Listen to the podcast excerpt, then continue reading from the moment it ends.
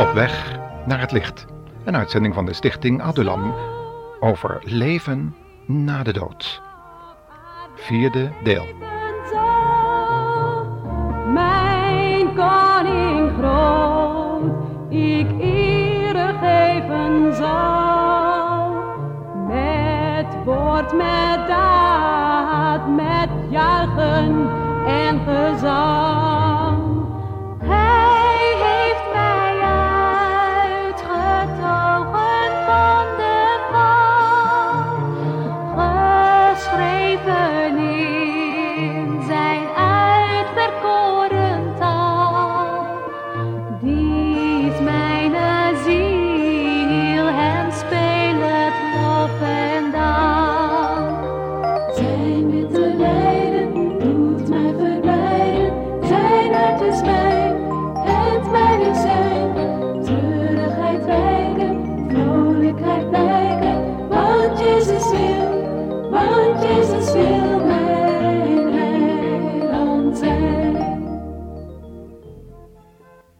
Nemen de luisteraars dus opnieuw mee naar de Universiteit van de Nederlandse Antillen, waar we net binnenvallen in een lezing over leven en lijden in het leven van gelovigen. En we denken daarbij na over wat Job allemaal heeft meegemaakt. Zojuist hebben de Sabeërs alles van hem afgenomen. Zijn huwelijk is helemaal stuk en hij zelf zit op een soort ashoop waar hij zich krabt met scherven en waar de honden zijn zweren lekken. Hoe heeft Job dit allemaal ervaren? Ja, hij wenste wel dood, want hij wist dat hij, wanneer hij eenmaal dood zou zijn, dat hij uit het stof, wat zijn lichaam zou worden, God zou aanschouwen. Hij geloofde in leven na de dood. Maar laten we luisteren naar wat er in die lezing allemaal daarover gezegd is. En nu? Nou had hij alles kwijt. Toen kwamen een stel vrienden en die maakten hem het leven nog zuurder. Je hebt, nou Job, je hebt al zeker een verborgen zonde, hè? En toen wenste Job wel te sterven. Zo ver kan het komen, ook met een christen. Dat hij zegt, nou heer, neem mijn leven maar af, want ik zie het niet meer zitten. Met die man kan ik het niet meer redden. Met die vrouw, daar hou ik het niet meer uit. Het is beter op de hoek van het dak dan met een keivachtige huisvrouw zetten spreuken. Hoe moet ik nou? Laat me maar naar huis gaan. Het hoeft voor mij allemaal niet meer hier op aarde. Zoveel tegenslag, het gaat me boven mijn hoofd. Maar de Bijbel zegt, nee, een christen zal nooit verzocht worden boven hetgeen hij aan kan. Want hij geeft, God geeft met de verzoeking ook de uitkomst. Dat is een boodschap alleen al voor vanavond. Als u problemen hebt op dit moment. En u hebt ze. Dan zou u hier niet zitten. U hebt ze. En dan krijgt u vanavond te horen dat de Heer Jezus zegt, wees niet bang. Het gaat echt niet tot aan je lippen. Dat is het bij mij geweest, zegt Jezus. Al uw golven en uw baren zijn over mij heen gegaan. Hij is voor u in de dood gegaan, om u het leven te geven. Om u volharding te geven. Wie volharden zal tot het einde, die zal behouden worden. Grijp moed uit de behoudenis van Paulus. Die kwam onder die stenen vandaan. En de volgende dag predikte hij alweer in een andere stad. Hij werd voor dood weggehaald.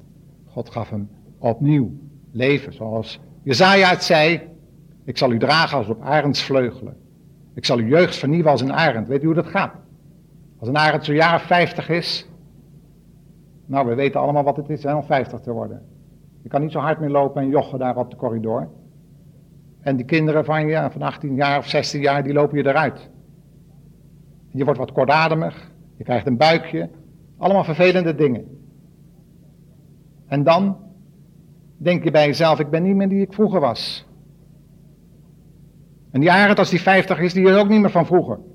Hoe komt dat? Die snavel is zo dichtgegroeid dat hij niet meer zijn voedsel tot zich kan nemen. En weet je wat hij nou doet? Dan vliegt hij zijn eigen te pletter tegen een rots, zodat die snavel afbreekt. En dan vernieuwt hij zijn jeugd, want dan kan hij weer eten. En dan kan hij er weer 50 jaar tegenaan. Zo doet een arend het. God vernieuwt onze jeugd als een arend. Weet u hoe? Door je gewoon te pletter te laten lopen in je eigen wil en in je eigen vermogens. Zodat je kan zeggen, ik kan niet meer, Heer. Help mij. Het is genoeg. Neem mijn ziel maar van mij, zei Elia. Ik ben niet beter dan mijn voorgeslacht. Ik heb het nu wel gehad. De kinderen zijn het huis uit. Ze kunnen het zichzelf wel redden. En dan zegt God, jawel, maar ik heb nog wat voor je te doen. Je hoeft nog niet uit het leven te stappen. Laat staan een eind aan je leven te maken. Ik heb je nodig. Ik wil nog een plan uitvoeren.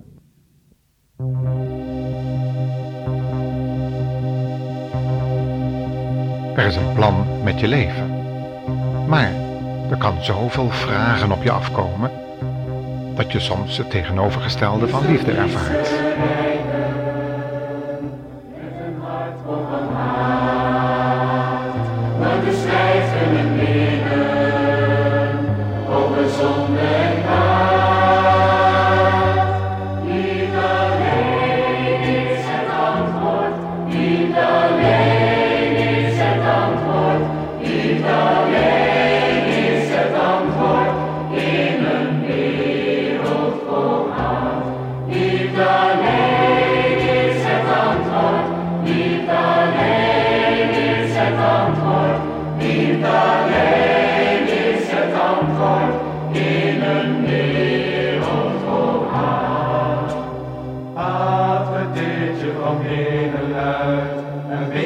Je vast in eenzaamheid. Overwin je bitterheid en gehoorzaam de Heer.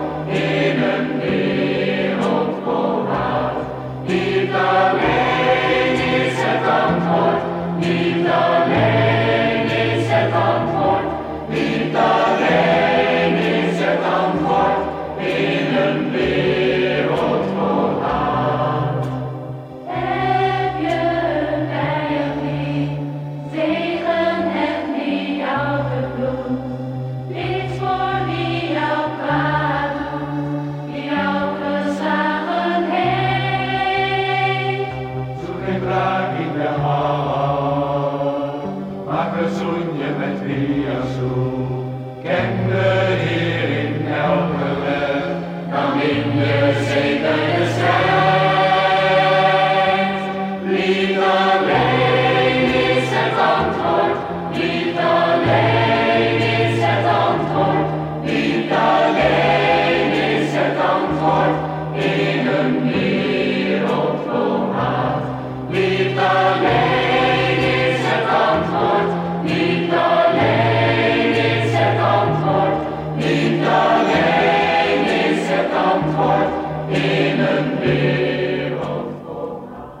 Liefde alleen is het antwoord. Jezus heeft het op het kruis geopenbaard en leven na de dood geproclameerd door zijn opstanding. Padulampen denkt daar echter anders over als metafysicus. Luister maar wat hij erover te zeggen heeft. Het komt in deze lezing heel sterk naar voren. Dat getuigenis van Padu Lamper, dat is dit. Hij zegt daar, daar zit Padu Lamper, daar staat hij erboven met zijn vinger. Hij zegt, kijk, bij het sterven, hij was een metafysicus, die lezing kan je dus nu horen, en een muzikus. Hij zegt, bij het sterven verdwijnt het fysieke lichaam, maar de ziel blijft. The sky is the limit. En de conclusie daarvan van hem is, het taboe rond het sterven kan weg. En dan komt het. Het non-productieve religieuze dogma dat ontelbare mensenlevens heeft geëist, kan nu overboord worden gegooid. Het non-productieve religieuze dogma. Wat een uitspraak. Non-productieve religieuze dogma. Padulampen. Een Antilliaan die met zijn kennis van metafysica tot die conclusie is gekomen. Het christendom heeft zijn einde gehad. We zitten in het, in het waterman-tijdperk, dat vissentijdperk is voorbij. Dat is ook zo. Kijk maar om je heen. Wat is er van het christendom overgebleven? Waar is de kracht? Ze hebben de kracht ervan verlogen, schrijft Paulus aan Timotheus in zijn tweede brief. Toen koning Saul het contact met God kwijt was door ongehoorzaamheid en toverij. De profeet Samuel tegen hem gezegd, denk erom, ongehoorzaamheid is de zonde van toverij. En weerspannigheid is beeldendienst. Nou, dat heeft koning Saul geweten. Want toen hij een overwinning had behaald, dan zette hij een hele grote pilaar op. En hij zei van zo, als ik dood ben, dan kan iedereen denken hoe grote held ik was. Wat heb je nodig als je hierna niks meer hebt? Dan heb je misschien nog wel de gedachte zo van, nou, ik heb een heleboel goeds. Ik heb zoveel in het collectezakje gedaan. En daar zullen ze wel over me denken. Er is een straatnaam vernoemd. Geweldig zeg, wat heb je daar veel aan in het dodenrijk? Koning Saul, die dacht zo. Waarom? Omdat hij het contact met God helemaal kwijt was. Door ongehoorzaamheid. Door trots. Hoogmoed. Ik doe het wel even.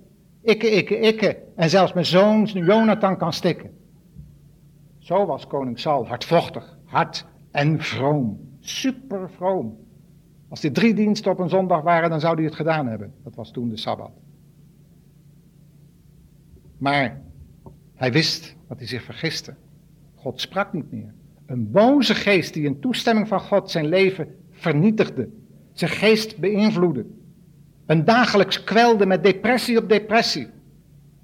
En toen was er een kleine jongen en die mocht af en toe eens op de harp spelen. Muziek, goede muziek, geen popmuziek, geen rockmuziek, ook geen rally-rock. Van hoempa, hoempa, hoempa. En dan proberen om de geesten uit het dodenrijk los te krijgen. Nou, ze komen hoor. Ze komen. Net als in Nieuw-Guinea bij de Papua's. En of je daar nou de naam van Jezus aan verbindt of niet. En of je er een vrome tekst aan plakt of niet. Maar die boze geesten komen. Die trekken zich niks van die naam van Jezus aan. Want er zijn zoveel Jezusen. Er was zelfs een tovenaar die heette Jezus. Dus daar trekken demonen zich niks van aan. Die gaan. En die vinden het prachtig als de jeugd zich met rallyrock verbindt. En daar staan te hossen en te stampen en die niet meer weten wat ze zingen. Maar koning Saul zat ook zo in de knoop. En hij probeerde met muziek en allerlei andere dingen zijn depressies te verdrijven en af en toe lukte het. Maar op een gegeven moment werkte het niet meer. En toen had hij door dat David koning zou worden. En hij spietste hem bijna aan de wand. Driftig. Je hebt allerlei meditatietechnieken tegenwoordig om de stress te verdrijven. Je hebt het in de krant kunnen lezen. En dan heet het allemaal wetenschap. Maar in feite is het gewoon religie. Een nieuwe vorm van religie en afgodendienst. En wat krijg je dan? Dan moet je offers gaan brengen. Aan de demonen.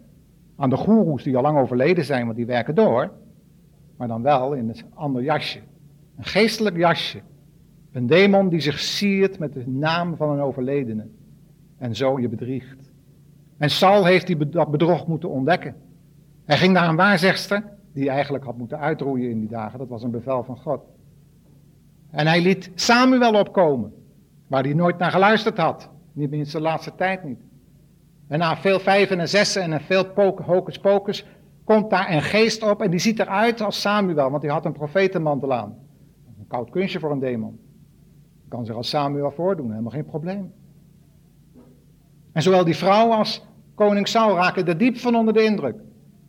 Maar als, maar als hij naar Salomo geluisterd had, nou die leefde toen nog niet, maar Salomo had gezegd in de prediker dat de doden niets met de levenden van doen hebben.